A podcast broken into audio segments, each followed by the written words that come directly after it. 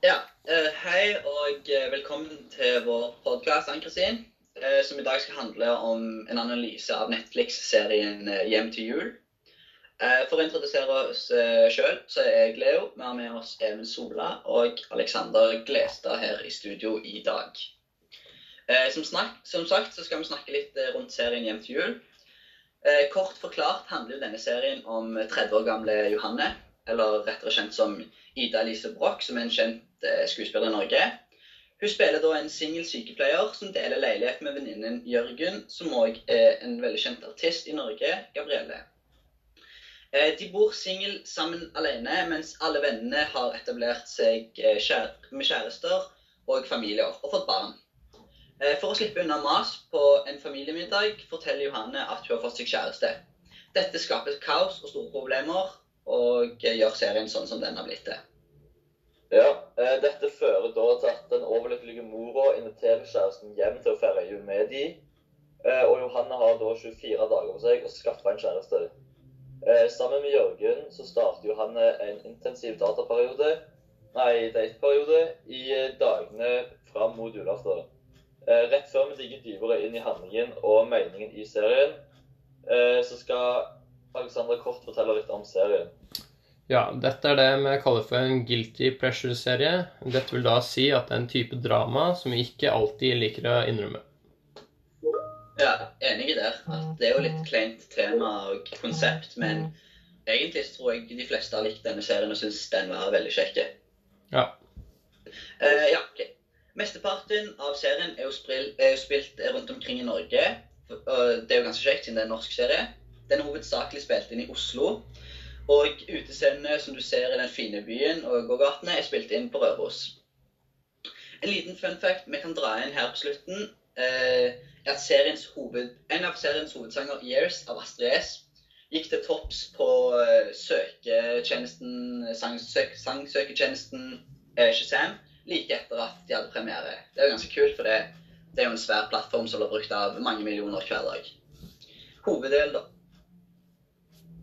Eh, ja, Da kan vi starte med en karakteranalyse. Eh, Hjem til jul er fullstappa av en herlig miks av eh, morsomme, merkelige, helt gjennomsnittlig normale og sjarmerende karakterer. Jeg mener da at den mest spennende karakteren er en av Johannes pasienter, som er den 89 år gamle Gita Nørby i en glansrolle som Johannes mentor. Hun er da småfrekk, sta, full av rik livserfaring og politisk ukorrekte synspunkter skiller hun seg ut i mengden. Ja, Hvis jeg bare kutter inn kjapt der, så må jeg jo si at eh, karakteranalysen her, så, eller bare for å ta kjapt innspill, så er det jo kjekt at de har tatt med et par kjendiser. Altså Gabrielle, som er en kjent sanger i Norge, og han Felix Sandbekk, tror jeg han heter, som er en kjent sanger i eh, Sverige. Så det er jo litt Ja. kult. Og så han politikeren, han norske politikeren. Stemmer det. ja. Ja, det. Ja, litt om miljø. Da har vi hovedpersonen Johanne. Hun jobber da som sykepleier. Hun har et eh, stort sosialt nettverk. Eh, Hun har venner, familie, kollegaer og pasienter. Men hun har ikke en kjæreste. Eh, For Johanne så er ikke dette noe særlig stort problem, men familien eh, de gjør det til et stort problem. Eh, Dette får henne da til å eh, forsnakke seg, og eh, hun eh, får da familien til å tro at hun har en kjæreste. Eh, gjennom hele filmen så er det da en koselig, men klein stemning. Eh, Johanne hun gleder seg til å feire, jul, men for at hun skal kunne gjøre det, så må hun få seg en kjæreste. Hun opplever mange kleine hendelser for å finne den rette.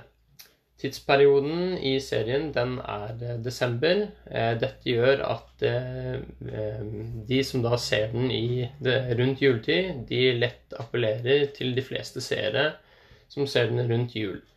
Fordi dette gir oss en god julestemning. I serien så er det da koselig bygdestemning som også bidrar til denne julestemningen, da. Jeg er enig i det. Altså, det er jo ikke det er jo ikke en tradisjonell jule, juleserie som jeg kan få julestemning av. Men jeg vil heller si at det er et friskt pust i norsk eh, jule-TV, da. Som Ja, jeg kanskje med nye generasjonen kan eh, forholde oss litt til mer, siden det er mer moderne, kan vi jo si. Ja, jeg er enig der. Ja. Eh, I serien så bruker de forskjellige kamerateknikker For eksempel så kan vi se på et forske, forskerperspektiv når de er i badestua. Episode kan vi se når Johanne åpner opp døra for å se hvem den nye gjesten er. Men vi får ikke sett hvem denne personen er fordi kameraet kun filmer Johanne. Dette skaper da en stemning.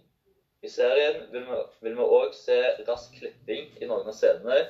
Eh, og denne teknikken brukes når noe f.eks. skal være morsomt, spennende eller nervepirrende. Ja. Dette bygger jo da er jo med å bygge spenningskurver, altså dramaturgi. Og Alexander, kan du si litt om den siste scenen der?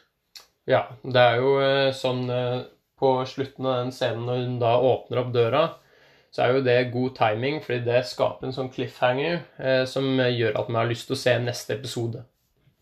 Ja, og spesielt når det er på slutten av en serie, så bygger jo dette opp en ganske stor hype rundt det og spenning i forhold til at det skal komme en ny serie, sånn at du kan se hvem den personen er, på en måte. Mm. Ja.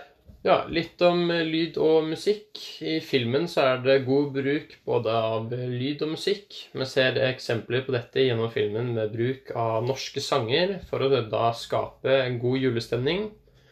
Eh, og når Johanne da møter faren sin sammen med en annen dame, og det blir helt stille. Dette skaper da en klein stillhet, men samtidig bidrar til spenning rundt scenen.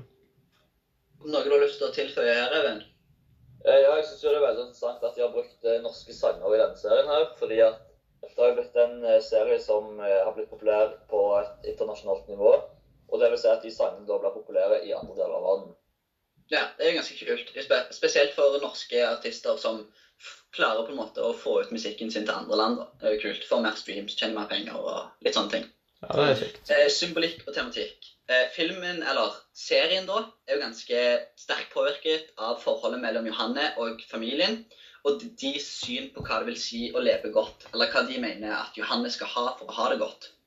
Johanne mener at hun har det jo helt fint med jobb, kjekke venner, familiebesøken iblant, og der hun bor og alt det der.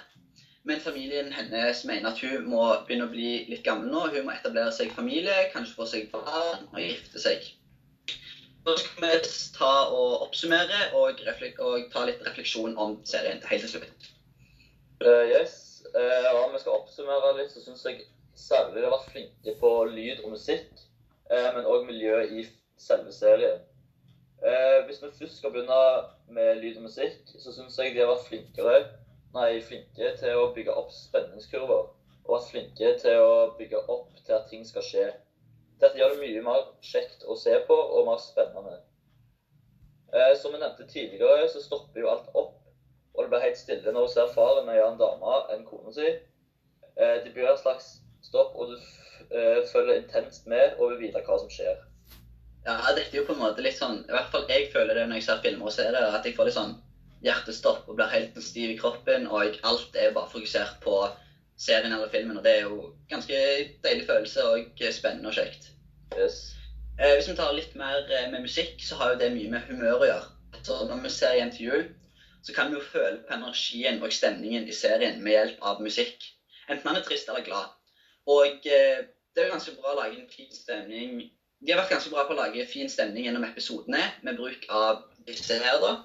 Og det gjør at det er litt lettere å lage lengre episoder, fordi kanskje ikke trenger nødvendigvis skrift eller en scene for å forstå hva som skjer. Det kan bare være en melodi eller en sang som bygger opp til noe.